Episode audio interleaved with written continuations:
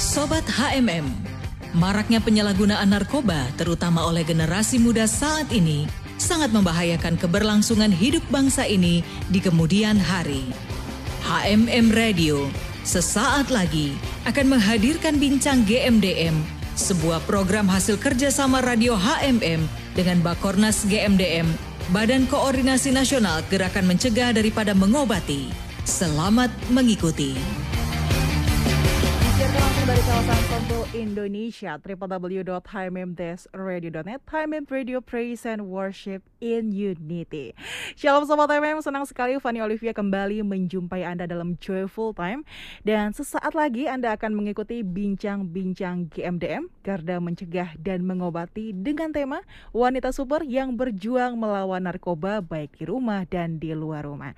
Tentunya bersama rekan Obet, dan seperti apa perbincangannya? Langsung aja kita bergabung bersama rekan Obet. Silakan Obet.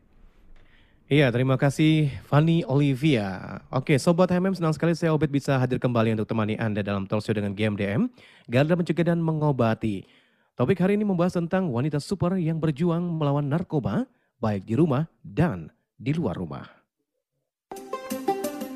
Bahaya narkoba buat saya itu benar-benar high risk karena dia bisa merusak saraf terbaik dalam diri kita, yaitu saraf di otak kita, dan membuat kita tidak bisa lagi fokus untuk masa depan kita. Narkoba sangat berbahaya karena bisa merusak mental dan psikis si pemakai. Dan hal itu bisa berdampak pada keluarga dan lingkungan si pemakai. Bahkan jika dibiarkan berkembang, dapat merusak satu bangsa. Bahaya narkoba sih menurutku rasa candunya ya. Dimulai dari coba-coba sekali, terus ketagihan dua kali, tiga kali, dan berlanjut seterusnya. Jadi efek candunya itu yang bahaya. Dampak buruk bagi uh, narkoba itu banyak banget, apalagi bagi generasi muda. Dampaknya tuh ada secara fisikal, secara fisik, eksternal maupun internal, mentally atau secara pemikiran itu juga bakal ngerusak banget. Kayak contohnya secara fisik, mata yang sayu, tubuh yang kurus, yang nggak sehat, kemudian punya pemikiran di mana pemikiran mereka nggak normal karena banyak banget syaraf-syaraf otak mereka yang rusak akibat zat adiktif tersebut gitu.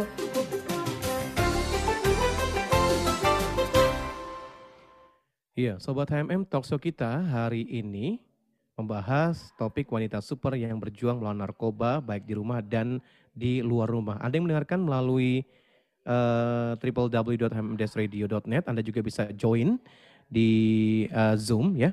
Anda bisa langsung uh, mengetikkan meeting ID-nya di 623 422 0008 dengan passcode-nya di HMM Radio.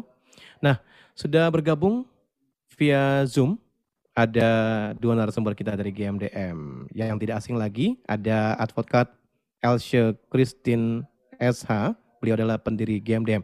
Shalom Bu Elsha.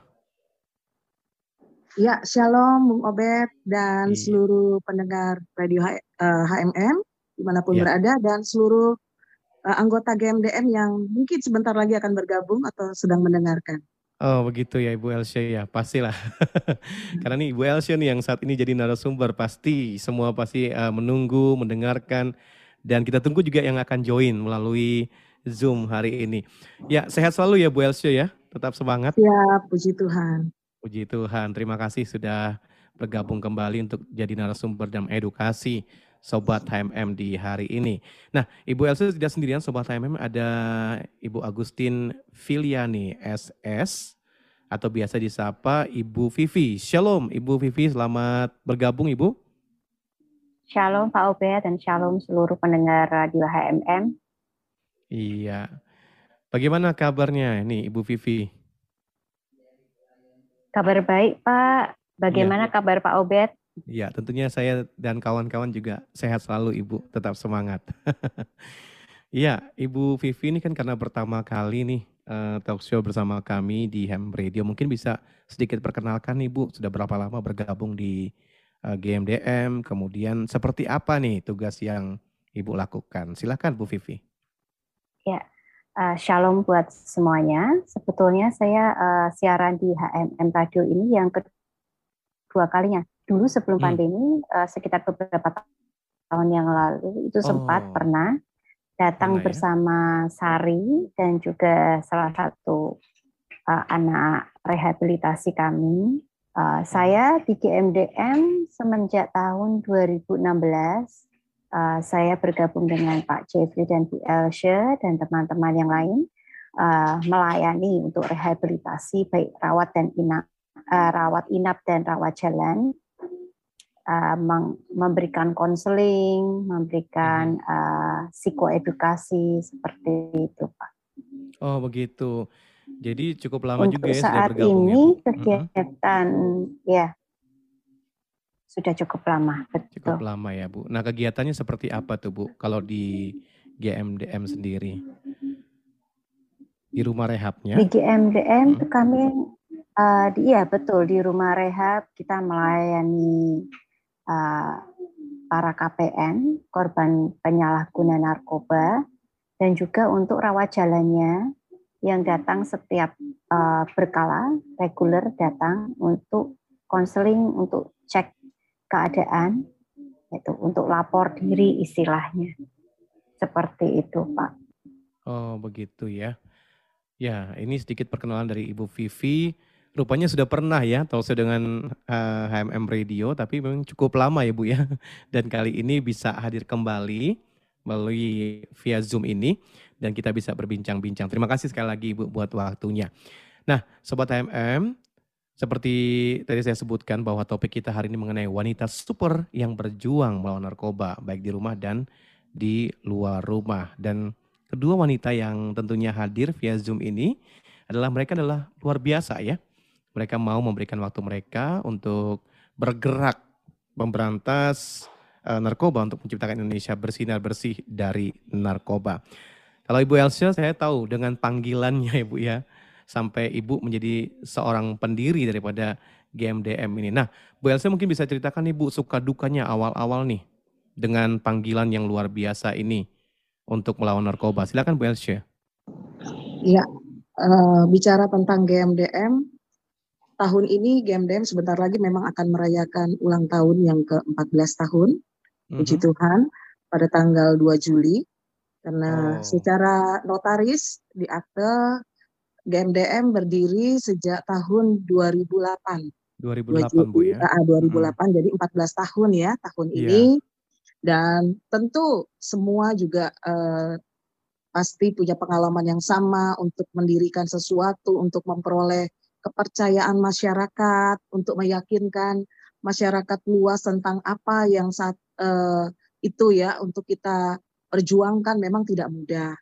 Tapi sama seperti moto daripada GMDM, bahwa kami tidak akan pernah tinggal diam, tinggal tenang, mm-hmm. tidak akan pernah menyerah sampai kami melihat Indonesia bersinar, itu juga menjadi uh, semangat bagi kami tim, terutama uh, di awal-awal saya dan almarhum Pak Jeffrey Tambayong, Pak Arman Depari, walaupun saat itu karena Pak Arman Depari masih dinas bersama Pak Kresna Siregar di PMJ ya itu Polda Metro Jaya bersama juga Ibu Maria Sorluri ya.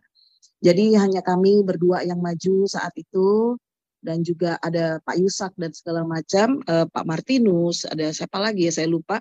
Artinya kami benar-benar berjuang dan ada GMDM pertama DPD yaitu eh, DPD Banten, Bung Jemi ya dan kawan-kawan yang saat itu menjadi anggota pertama ya iya. anggota iya. awal-awal GMDM. Ya artinya kalau sampai saat ini kita ada kalau uh, di tahun ke-14 walaupun be, uh, sekarang udah dengan formasi yang baru nih Pak Obet. Betul. Ya, uh, ketua umumnya Pak Arman Depari karena beliau sudah pensiun dalam uh, deputi Berantas walaupun beliau masih uh, menjadi uh, komisaris utama di Pelindo ya tapi beliau begitu mencintai pergerakan GMDM artinya kami sampai saat ini dan sampai ke depan kami tetap akan berjuang sampai visi kami Indonesia bersih narkoba itu terwujud. Iya, wah luar biasa nih Bu Elsya, semangat. iya, harus semangat, harus. Iya, harus ya Bu ya. harus. Penjelasannya memang sangat berapi-api nih Bu Elsio nih. Iya, Tentunya memotivasi dan juga menginspirasi baik kami saat ini yang di ada, ada di tim HMM Radio dan juga Sobat HMM yang mendengarkan. Nah, saya coba ke Bu Vivi nih sekarang. Bu Vivi, sebagai seorang wanita, mungkin juga dengan aktivitasnya sehari-hari dan tanggung jawabnya, eh, apa sih Bu yang membuat Ibu terpanggil juga nih untuk berani nih bergerak bersama dengan Ibu Elsio dan kawan-kawan untuk melawan narkoba. Silakan Bu Vivi. Ya, karena masa-masa sekarang ini kan sebetulnya kalau uh, bahaya narkoba, melihat bahaya narkoba, sebetulnya itu kan masa darurat ya Pak ya. Sudah tidak lagi hanya kita menyentuh orang-orang yang kelihatan jauh, tidak sepertinya. Yeah sebetulnya orang-orang terdekat kita itu bisa saja uh, menjadi korban itu untuk antisipasi untuk uh, segala macam hal-hal tersebut masuk ke dalam keluarga atau orang terdekat relasi di kantor atau di mana pun. Ya kita mau nggak mau harus mengenal mengerti apa itu narkoba bahayanya mereka membawa efek apa terhadap keluarga, terhadap pekerjaan. Kalau kita tidak siap-siap dari sekarang sebagai uh, pribadi uh, personal ataupun orang tua, ibu, ayah dalam keluarga, itu bahaya sekali karena uh, seperti ini datang seperti pencuri, kita nggak tahu kapan bisa datang.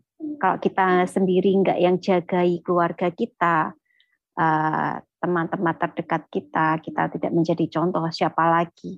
Seperti itu kalau pandangan saya, Pak. Iya, Ibu Agustin. Nah, kalau untuk keluarga sendiri bagaimana, Bu, dukungannya kepada Ibu untuk terlibat dalam gerakan ini?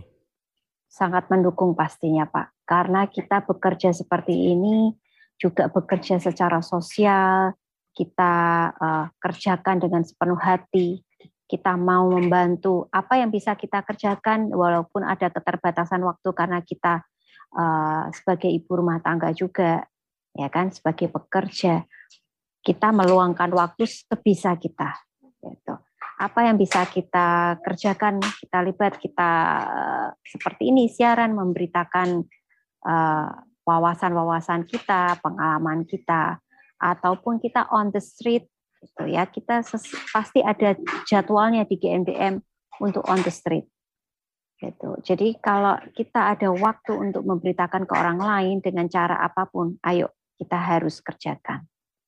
Wah, luar biasa ya. Jadi memang judulnya hari ini nggak salah ya wanita super. Dengan kegiatan Ibu Elsie dengan kegiatan juga Ibu Agustin baik sebagai ibu di rumah, kemudian juga dengan aktivitas masing-masing, tapi masih menyempatkan waktu untuk melakukan gerakan yang luar biasa ini untuk memberantas narkoba ini. Ya, eh, kalau Ibu Vivi sendiri nih, Bu, pertama kali terjun apa sih yang dirasakan, Bu? Ada rasa takutkah atau semangat aja gitu? Silakan Bu Vivi. Uh, kalau takut untuk awal-awal tidak ya Pak, uh, karena kita bekerja uh, di bawah naungan GMDM, kita percaya, kita ada trust. GMDM eh, perjalanannya sudah seberapa jauh, sudah seperti apa, kita ada kepercayaan. Cuma kalau untuk awal awal-awal mengenal narkoba kita harus belajar. Sempat uh, bukan bingung tapi keinginan tawan itu besar. Hmm, tanya, gitu ya. banyak tanya gitu banyak melihat situasi. Kita terjun juga tidak langsung menjadi konselor kan, tidak uh, tidak memberikan konseling. Kita belajar, ikut kegiatan, pokoknya ada acara apa, ada kegiatan uh, aktif uh, di luar seperti apa, uh, kita ikut, kita belajar. Iya. Gitu. Hmm. Jadi memang pertama kali karena sudah terpanggil, kemudian Ibu Vivi bukan berdiam saja ya, tapi kemudian belajar untuk mengerti apa yang uh, harus dilakukan gitu ya Bu Vivi ya. Ini luar biasa Betul. sekali nih. Iya.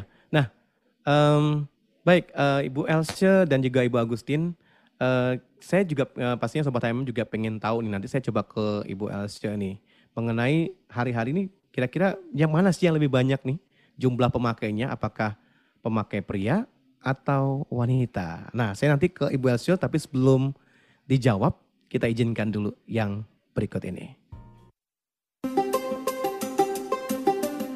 Bagi para mantan pecandu narkoba dan kurir narkoba yang sudah melewati proses rehabilitasi, supaya Anda dapat bertahan di situasi pandemi ini, maka jangan putus asa, selalu optimis, berpikiran maju secara subjektif, dan bergabunglah dengan komunitas yang bisa membina Anda untuk Anda berdampak.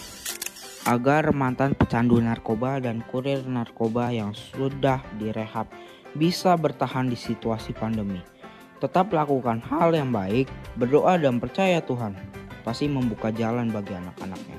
Makasih, God bless you. Menurut saya, yang harus dilakukan agar mantan pecandu narkoba dan kurir narkoba yang sudah direhab bisa bertahan di situasi pandemi seperti sekarang ini adalah pertama memastikan untuk mereka berada di lingkungan yang tepat yang mendukung mereka ke arah positif. Dukungan keluarga memegang peranan penting. Yang kedua adalah menghindari lingkungan pergaulan yang buruk yang bisa menjerat mereka kembali pada kehidupan mereka yang lama. Ketiga, mereka dapat mengisi waktu dengan kegiatan yang positif, mengembangkan hobi dan talenta, berolahraga sesuai kesukaan, dan lain-lainnya. Dan yang keempat adalah mereka bisa mengisi jiwa dan rohani dengan hal-hal yang spiritual, beribadah, dan berdoa. HMM Radio Praise and Worship in Unity. Baik Sobat MM masih dalam bincang-bincang GMDM Garda Mencegah dan Mengobati ya dan uh, perbincangan yang sungguh luar biasa tadi mendengar semangat dari para narasumber di segmen sebelumnya. Fani juga sebagai wanita nggak mau kalah nih semangatnya pastinya. Nah Sobat MM, uh, Fani juga mau menyapa bagi Sobat MM yang juga mendengarkan dan bergabung melalui live streaming di Indonesia ada di daerah Selipi, daerah Menteng, Riau, dan juga di Surabaya. Shalom, selamat mendengarkan. Baik Sobat MM, kita juga kembali pastinya masih dalam bincang-bincang GMDM membahas wanita super yang berjuang melawan narkoba. Tentunya masih bersama rekan saya Obet. Silakan Obet. Tiffany Olivia, Anda saya dengar bersemangat sekali suaranya hari ini ya. Karena ada dua narasumber kita yang juga wanita super yang bersemangat memberikan penjelasannya hari ini. Saya juga ikutan bersemangat tentunya ya. Sobat MM juga yang saat ini mendengarkan tentunya juga tetap ikuti talkshow kita hari ini pasti ada pengetahuan yang bisa kita dapatkan. Ya, saya sekarang ke Ibu Elsia nih. Ibu Elsia, tadi kan saya sempat uh, sedikit memberikan apa ya pertanyaan nih Bu. Uh, mengenai jumlah pemakai wanita dan pria mana yang lebih banyak nih Bu? Apakah pria atau wanita nih Bu? Ya, kalau dari hasil riset eh, pria dan wanita memang korban pemakainya masih lebih banyak dominannya pria. Tetapi yang miris adalah wanita ini menjadi alat atau eh, apa ya eh, mm -hmm. Menjadi mediator justru eh, sebagai pengedar Oh. Sayangnya banyak sekali wanita yang terlibat dalam peredaran gelap narkoba. Bukan hmm. saja penyalahgunaan. Kalau penyalahgunaan masih banyak pria, tetapi eh, pengedarnya ya kaki tangannya banyak sekali wanita yang menjadi eh, korban ya eh, korban hmm. atau apa ya eh, pelaku justru ya pelaku, pelaku ya, ya? peredaran ya, gelap narkoba itu sayangnya ya hmm. tentu itu eh, dikarenakan atau disebabkan karena faktor ekonomi ya karena iya. faktor ekonomi walaupun ya tetap kita harus uh, sepakat bahwa narkoba itu bukan solusi untuk uh, apa namanya uh, mencari uang ya yeah. faktor ekonomi tidak bisa narkoba itu karena kalau sudah ditangkap uang sebanyak apa pun ya yang kita dapat itu tidak ada artinya ketika mm -hmm. hukuman yang puluhan tahun hingga hukuman mati menjadi iya, uh, iya. efek dari apa yang kita kerjakan. Dan kedua, tentu kita akan sangat bersalah di hadapan Tuhan karena kita membiarkan orang lain menjadi korban untuk kepentingan ekonomi kita. Begitu. Iya. Nah, Ibu Elsa tadi sempat menjawab ini masalah ekonomi.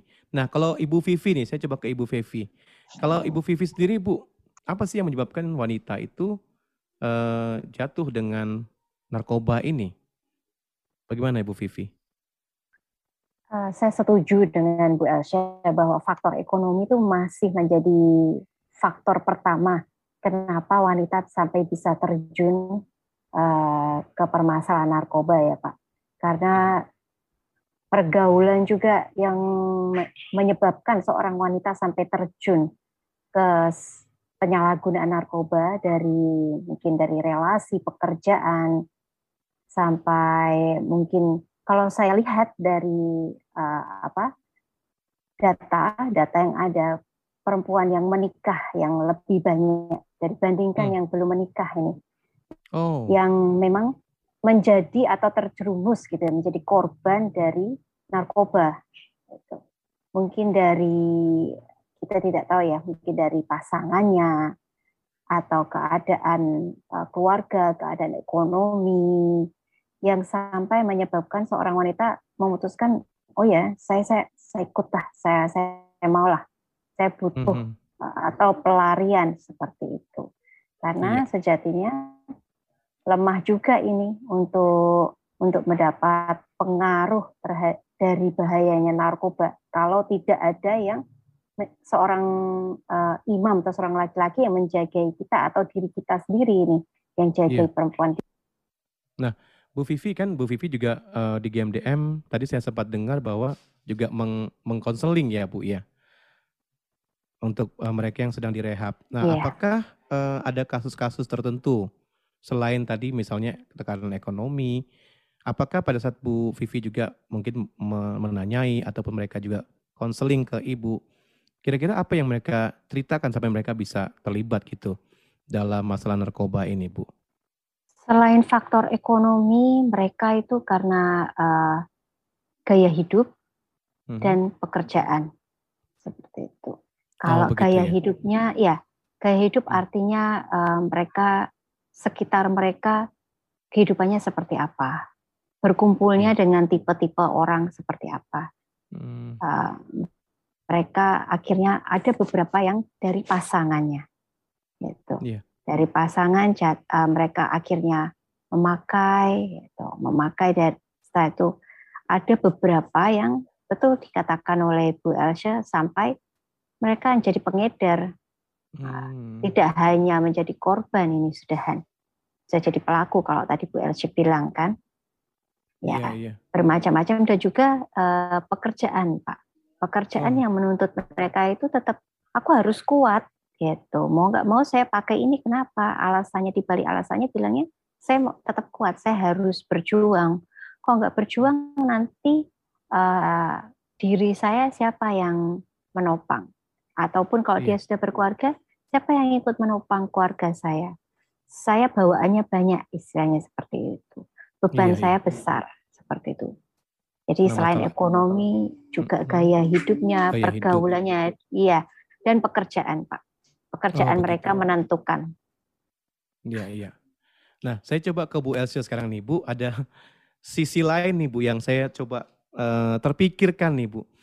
Misalnya begini, apakah karena sisi kelembutan dari wanita itu membuat mereka begitu lemah, akhirnya menjadi seorang pemakai narkoba?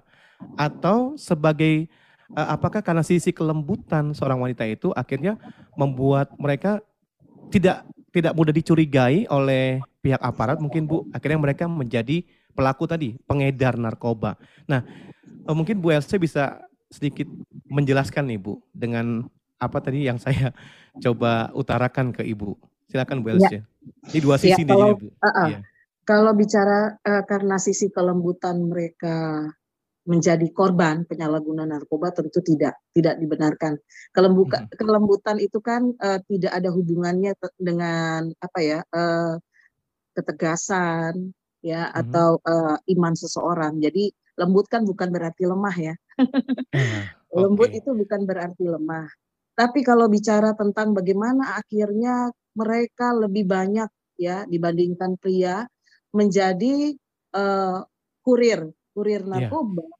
karena mungkin uh, pandangan saya sebagai wanita uh, ketika uh, ekonomi menjadi tanggung jawab ya dia menjadi tulang punggung bagi keluarganya memang kalau dia tidak kuat iman ya tidak kuat di dalam uh, kerohanian ya memang rentan untuk bisa mengambil satu keputusan yang salah keputusan yang terburu-buru gitu ya keputusan terburu-buru karena kan pasti sifatnya pasti uh, karena kebutuhan mendesak ya sehingga mereka uh, rela gitu ya rela melakukan apa pun saya percaya mereka juga sebenarnya pikir panjang tetapi. Kebutuhan yeah. yang ada di depan ditambah mungkin uh, mereka tidak punya pasangan yang ataupun mereka belum punya pasangan gitu atau tidak punya pasangan yang bisa mengcover semua kebutuhan uh, mereka sehingga mereka nekat gitu ya.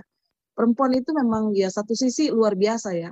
Mereka kalau punya tekad untuk berjuang untuk sesuatu ya kadang bisa sampai seperti itu ya Iya. menghalalkan segala cara walaupun itu sama sekali tidak dapat dibenarkan. Yeah. Tapi pastinya uh, mereka yang banyak menjadi uh, korban bukan korban um, gampang terjaring untuk menjadi pelaku uh, peredaran gelap narkoba itu rata-rata memang mereka yang tinggal atau bekerja yang tidak jauh dari circle uh, hiburan malam ya hmm. hiburan iya, malam yeah, yeah. ya atau uh, uh, ya begitulah seperti itu tapi kalau yeah. bicara tentang uh, korban penyalahguna narkoba, uh, kita lihat banyak artis ya. Artinya yeah. semua kalangan bisa menjadi uh, sasaran gitu ya untuk mereka. Tapi pastinya karena ada celah, pastinya hmm. karena uh, ada ada kompromi ya, ada pintu utama yang mereka telah buka, ya kan? Pergaulan yang buruk merusak kebiasaan baik. Pastilah itu narkoba itu memang tidak tiba-tiba datang ke kita gitu ya. Pasti ada hmm. Eh, orang-orang uh, yang kita kenal, mereka juga pemakai. Ini bukan mendiskreditkan orang yang uh, pemakai ya, yang maksudnya yeah. mereka yang uh, sebagai pemakai, tetapi memang uh, riset membuktikan bahwa orang-orang yang menjadi korban selanjutnya tentunya karena mereka uh, ada di circle orang-orang yang make begitu ya. Makanya ada hmm. ada film ya Pak Pak Ketum pernah uh, Pak Ketum yang lalu mantan Ketum yang lalu Pak Jeffrey Tambayong pernah main main di bioskop hmm. main film yeah. Iya. uh, yang judulnya apa Mary Goron ya. Oh, Jadi yeah. sama seperti komedi putar yang Betul. terus putar-putar aja di situ. Jadi hmm. memang kita perlu waspadai walaupun kita tidak eh, mendiskriminasikan mereka, tetapi kita memang perlu mewaspadai sekeliling kita mereka yang make kecenderungan mereka akan menawarkan ya yeah. untuk pakai bersama ataupun ada kepentingan lain untuk untuk uh, mendapatkan uh, income untuk beli barangnya juga gitu ya. Ketika yeah. mereka udah nggak bisa kerja, ya kan bagaimana bisa kerja uh, full ya atau uh, maksimal seperti dulu kalau namanya udah terkena narkoba ya kan? Betul. Jadi mereka akan mengambil uh, kesempatan-kesempatan yang ada untuk bisa mendapatkan uang untuk bisa membeli narkoba kembali karena memang narkoba itu kan sifatnya adiksi ya yang mm -hmm. uh, apa namanya ya, orang ya? jadi edik nagih mm -hmm. terus ya itu makanya bahayanya jadi iya. jangan pernah uh, anggap enteng dengan ah cuma party kok cuma sifatnya temporer gitu dan segala macam nggak ada itu akan akan tetap menjadi efek ya yang yang buruk bagi pemakainya. Nah, jadi memang harus berhati-hati ya Bu ya. Iya betul. Untuk pendengar HMM semuanya saat ini mendengarkan, tentunya jangan pernah memilih pergaulan yang salah begitu ya. Betul. Karena justru bisa menjerumuskan kita pada hal yang tidak baik. Apalagi Anda para wanita, biarlah Anda bisa beraktivitas supaya jadi wanita super nih. Seperti Ibu Elsa dan juga Ibu Vivi yang saat ini sedang berbincang dengan kita. Nah, saya coba sekarang nih ke Bu Vivi nih. Bu Vivi, apa yang harus dilakukan oleh keluarga nih? Misalnya ya anggota keluarganya seorang wanita gitu ya, entah ibu ataupun juga anak wanitanya yang terlibat dengan narkoba. Keluarga harusnya melakukan seperti apa nih Bu? Silakan Bu Vivi. Ya, uh, karena saya seorang ibu, jadi saya pendapat seorang ibu ya Pak ya. Iya. Kalau dari saya sendiri, saya pasti akan jagain keluarga saya. Saya hmm. seorang ibu, saya harus tahu cari pelajaran apa itu narkoba, bahayanya apa, cara masuknya gimana sih, di mana hmm. aja orang-orang bisa masuk narkoba. Bisa di pergaulan pendidikan saat mereka bergaul di luar, teman-teman atau orang bahkan orang asing pun cara masuknya gimana sih? Modus-modus mereka itu seorang ibu harus tahu. Kita jagai anak kita, kita jagai keluarga keluarga keluarga besar kita mm-hmm. kita uh, harus pendekatan apalagi dari seorang ibu ke anak kita harus dekat dengan yeah. anak dekat dengan keluarga menjadi teladan kalau kita tidak bisa jadi teladan kita susah mendekatin seseorang kita nggak bisa tuh uh, yeah. kalau sudah uh, tidak peduli lagi dengan keluarga susah mendekati nanti seseorang di dalam keluarga kita kalau misalnya kelihatan sepertinya ini orang perlu butuh pendekatan uh, ada masalah seperti itu. Nah di situ uh, ada masalah nanti celah apa pun itu bisa masuk termasuk narkoba terlihat Pak ya. Nah dari yeah. sini seorang uh, wanita, ibu dan juga uh, kerabat keluarga kita kasih pendidikan ke diri kita sendiri dulu apa itu narkoba bahayanya apa kita cari tahu jangan cuma oh nggak mungkinlah anak saya atau nggak mungkin keluarga saya nggak mhm. pikirannya kalau seperti itu kita nanti tidak belajar dulu apa itu bahayanya narkoba semua tentang narkoba kita pelajari dulu kita bisa tahu oh cara masuknya seperti ini kita jagai anak kita sebagai seorang ibu jagai anak kita gimana kita mhm. kasih pendidikan bahkan pendidikan awal pun mengenai narkoba ke anak kita sampaikan. Iya. Gitu. Seperti itu.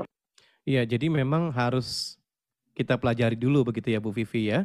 Setelah pelajari, ya. kita paham, baru kita juga bisa mengkomunikasikan buat anak-anak kita. Apalagi ada anak-anak perempuan juga dalam rumah tangga kita. Ya ini penjelasan Ibu Vivi eh, pastinya bisa diterima nih oleh Sobat HMM. Biar itu menjadi suatu pembelajaran juga untuk sama-sama menjaga keluarga kita dari bahaya narkoba.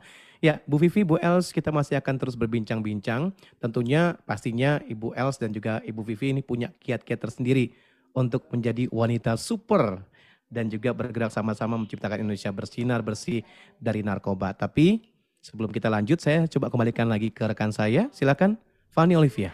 Baik, luar biasa sekali rekan Obet. Pastinya Sobat MM dan Fani sendiri juga banyak belajar dan menambah pengetahuan yang baru mengenai narkoba dari segi pandang seorang wanita. Baik Sobat MM, sebelum perbincangan semakin seru dan berlanjut, kita dengarkan dulu pujian berikut ini.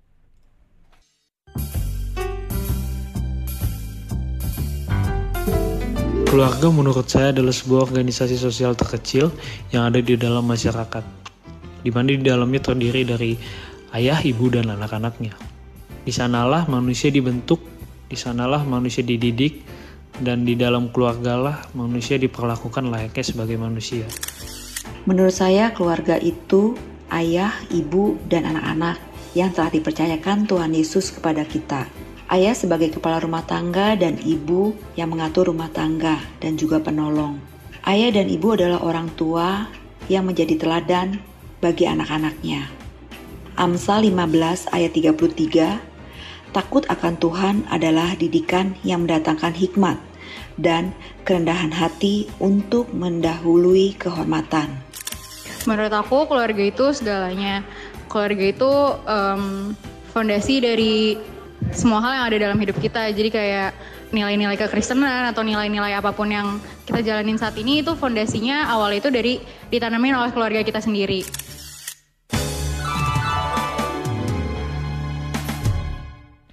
HMM Radio Praise and Worship in Unity.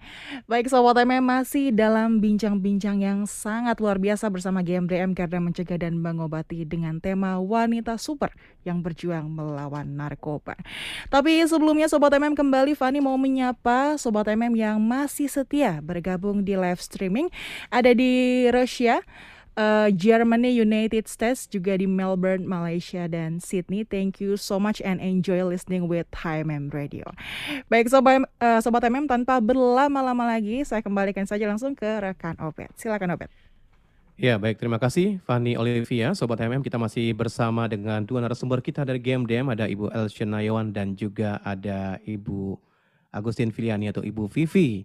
Ya, kita masih membahas mengenai topik kita wanita super yang berjuang melawan narkoba, baik di rumah dan di luar rumah. Dan kedua narasumber kita ini memang terbukti sudah melakukannya. Di rumah mereka mengedukasi keluarga, di luar rumah mereka mendampingi orang-orang yang terlibat dengan narkoba. Nah, tentunya mereka juga ingin uh, agar orang-orang yang terlibat narkoba ini diselamatkan tentunya, tidak melakukan hal yang sama. Nah, saya coba ke Bu Elsha nih, Bu. Pastinya punya kiat-kiat tersendiri nih, Bu Elsha. Supaya nih uh, para wanita, para ibu yang saat ini mendengarkan di HM Radio, mereka juga bisa menjadi wanita super nih, Bu. Kayak Ibu dan juga Ibu Vivi. Silakan Bu Elsha, ada kiat-kiatnya enggak? Ya, uh, sebagaimana kita tahu bahwa hidup kita ini di dunia ini memang ada limitnya ada batasnya, di mana kesempatan hari ini aja kita belum tentu bisa dapat esok ya. Tentu hari ini hanya akan berlaku hari ini, belum tentu ada esok hari, maksudnya seperti itu. Jadi kita harus benar-benar bijaksana memanfaatkan hidup yang Tuhan kasih, yang ya. kita tahu bahwa itu tidak bisa dibeli oleh apa pun juga, ya bukan karena uang kita, bukan karena pandainya kita menjaga kesehatan dan keselamatan uh, kita uh, bisa menambah hari esok karena semuanya itu anugerah. Jadi kalau hari ini Tuhan kasih bagi kita, kita boleh memanfaatkan uh, segala potensi yang Tuhan berikan, apalagi kalau kita ini seorang wanita banyak sekali peran yang bisa kita ambil ya Betul. Uh, selama kita hidup bukan berarti harus menjadi orang yang top dulu ya orang hmm. yang terkenal dulu ya harus menjadi selebriti dulu baru dia hmm. akan berdampak kita bisa berdampak pada hal-hal kecil. Ketika kita menghargai hidup aja, ketika hmm. kita menghargai hidup kita, kita akan bermanfaatkan bagi orang lain. Kita tidak yeah. akan menjadi uh, sandungan ataupun menjadi uh, beban bagi orang lain seperti itu. Tetapi uh, izinkan saya juga menyampaikan tadi kan uh, syukur uh, pendengar kita bukan hanya di Indonesia ternyata ya ada. Iya Ibu Els. di luar juga ada yang mendengarkan. Di luar negeri ya. Yeah uh, ya memang narkoba ini memang sudah sampai pada level darurat, bukan hanya di Indonesia tetapi secara internasional. UNBC aja mengatakan uh, ya Badan United Drugs ya uh-huh. uh, internasional juga mengatakan bahwa dari tahun 2020 saja peningkatan jumlah pemakai di dunia ini mencapai uh, hampir 30 persen naiknya. Bayangkan wow. itu naiknya Naik. 30 hmm. persen hmm. pemakai narkoba. Ya karena tentu kan di luar tidak ada uh, larangan ya sama seperti di Indonesia ya. Yeah. Jadi wajar kalau dibilang uh, jumlah uh, pemakai itu seperti itu meningkat di seluruh dunia ya secara global. Tapi di hmm. Indonesia sendiri, bayangkan di tahun 2019 LIPI dan BNN saja mengumumkan bahwa kenaikan jumlah pemakai di Indonesia itu mencapai hampir tiga persen, hmm. ya. Yang tahun 2019 aja sudah tiga juta lebih, hampir 4 juta jumlahnya. Itu yang itu yang yang terdata mungkin ya, hmm. sama iya, seperti yeah, yeah. Uh, ya gunung es yang kelihatannya kecil di atas tapi uh, di bawahnya besar, bu ya. Di bawahnya iya, ya lebih besar ya. Jadi seperti hmm. itu.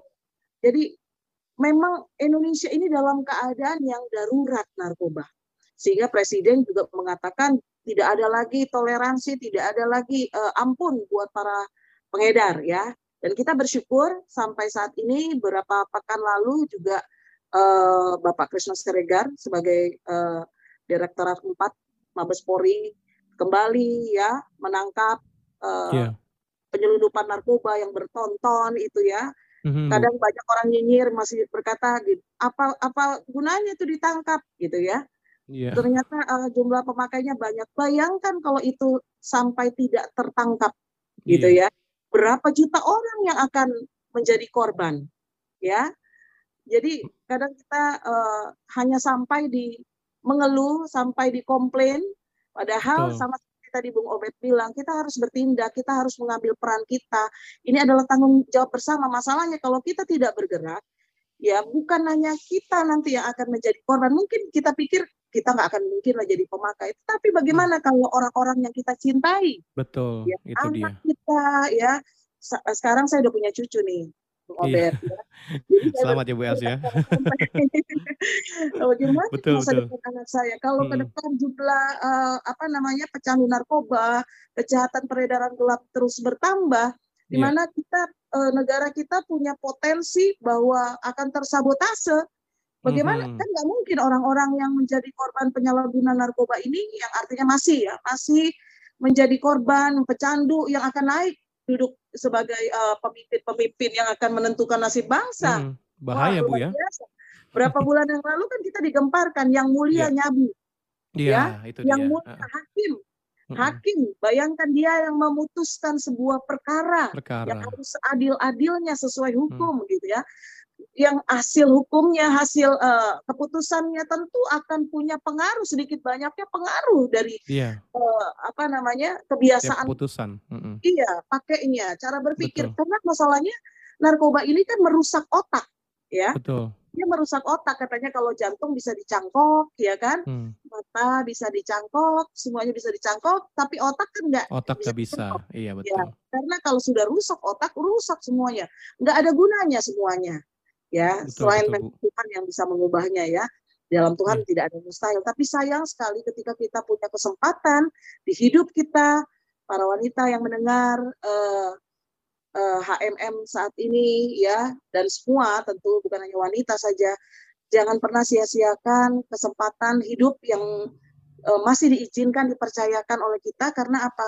Hidup kita itu berharga, sangat Betul. berharga.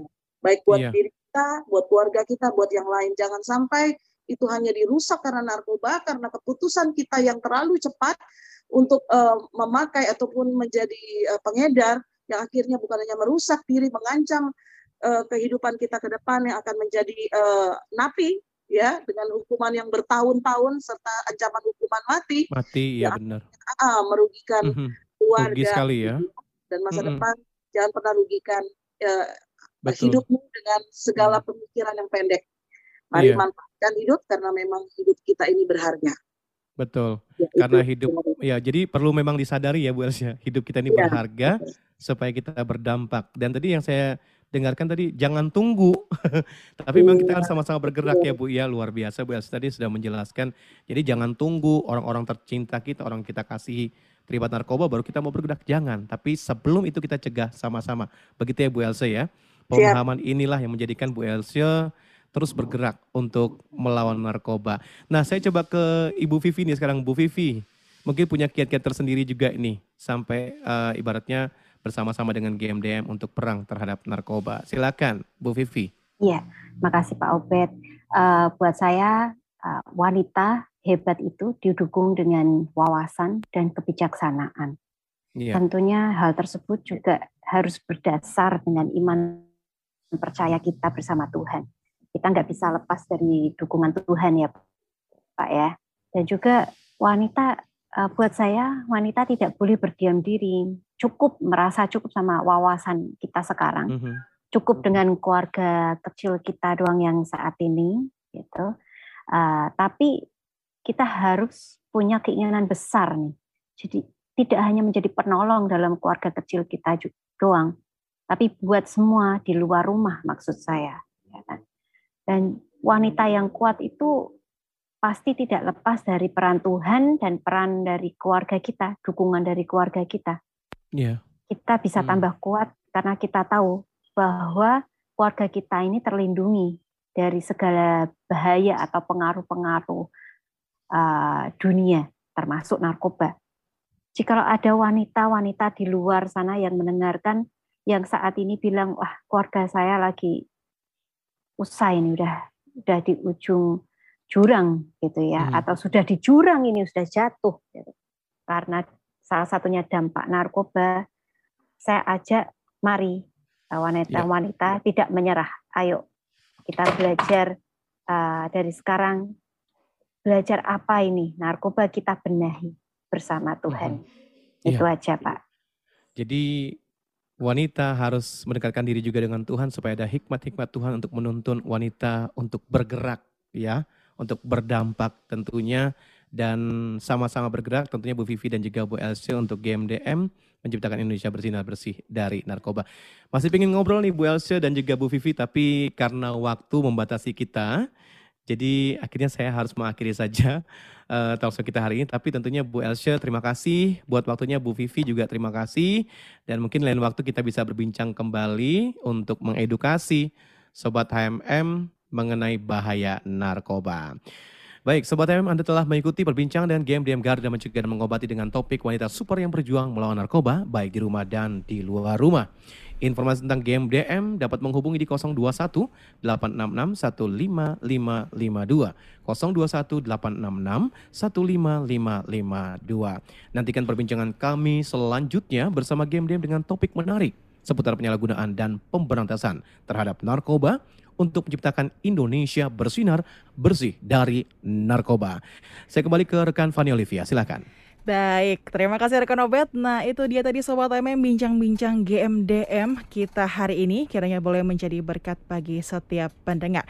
Luar biasa sekali memang Tuhan menciptakan seorang wanita dengan segala peran dari mulai istri, ibu, dan masih banyak lagi. Dan kiranya kekuatan yang Tuhan berikan buat wanita itu boleh dipakai untuk kemuliaan nama Tuhan.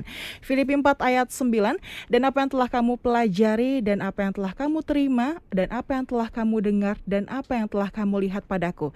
Lakukanlah itu, maka Allah sumber damai sejahtera akan menyertai kamu. Tentunya jangan beranjak dulu Sobat MM karena Fanny Olivia masih akan terus menemani Anda di Joyful Time. Tetaplah bersama kami di HMM Radio Praise and Worship in Unity. Sobat HMM, Anda baru saja mengikuti Bincang GMDM, sebuah program hasil kerjasama Radio HMM dengan Bakornas GMDM, Badan Koordinasi Nasional Gerakan Mencegah Daripada Mengobati. Terima kasih atas kebersamaan Anda. Sampai jumpa.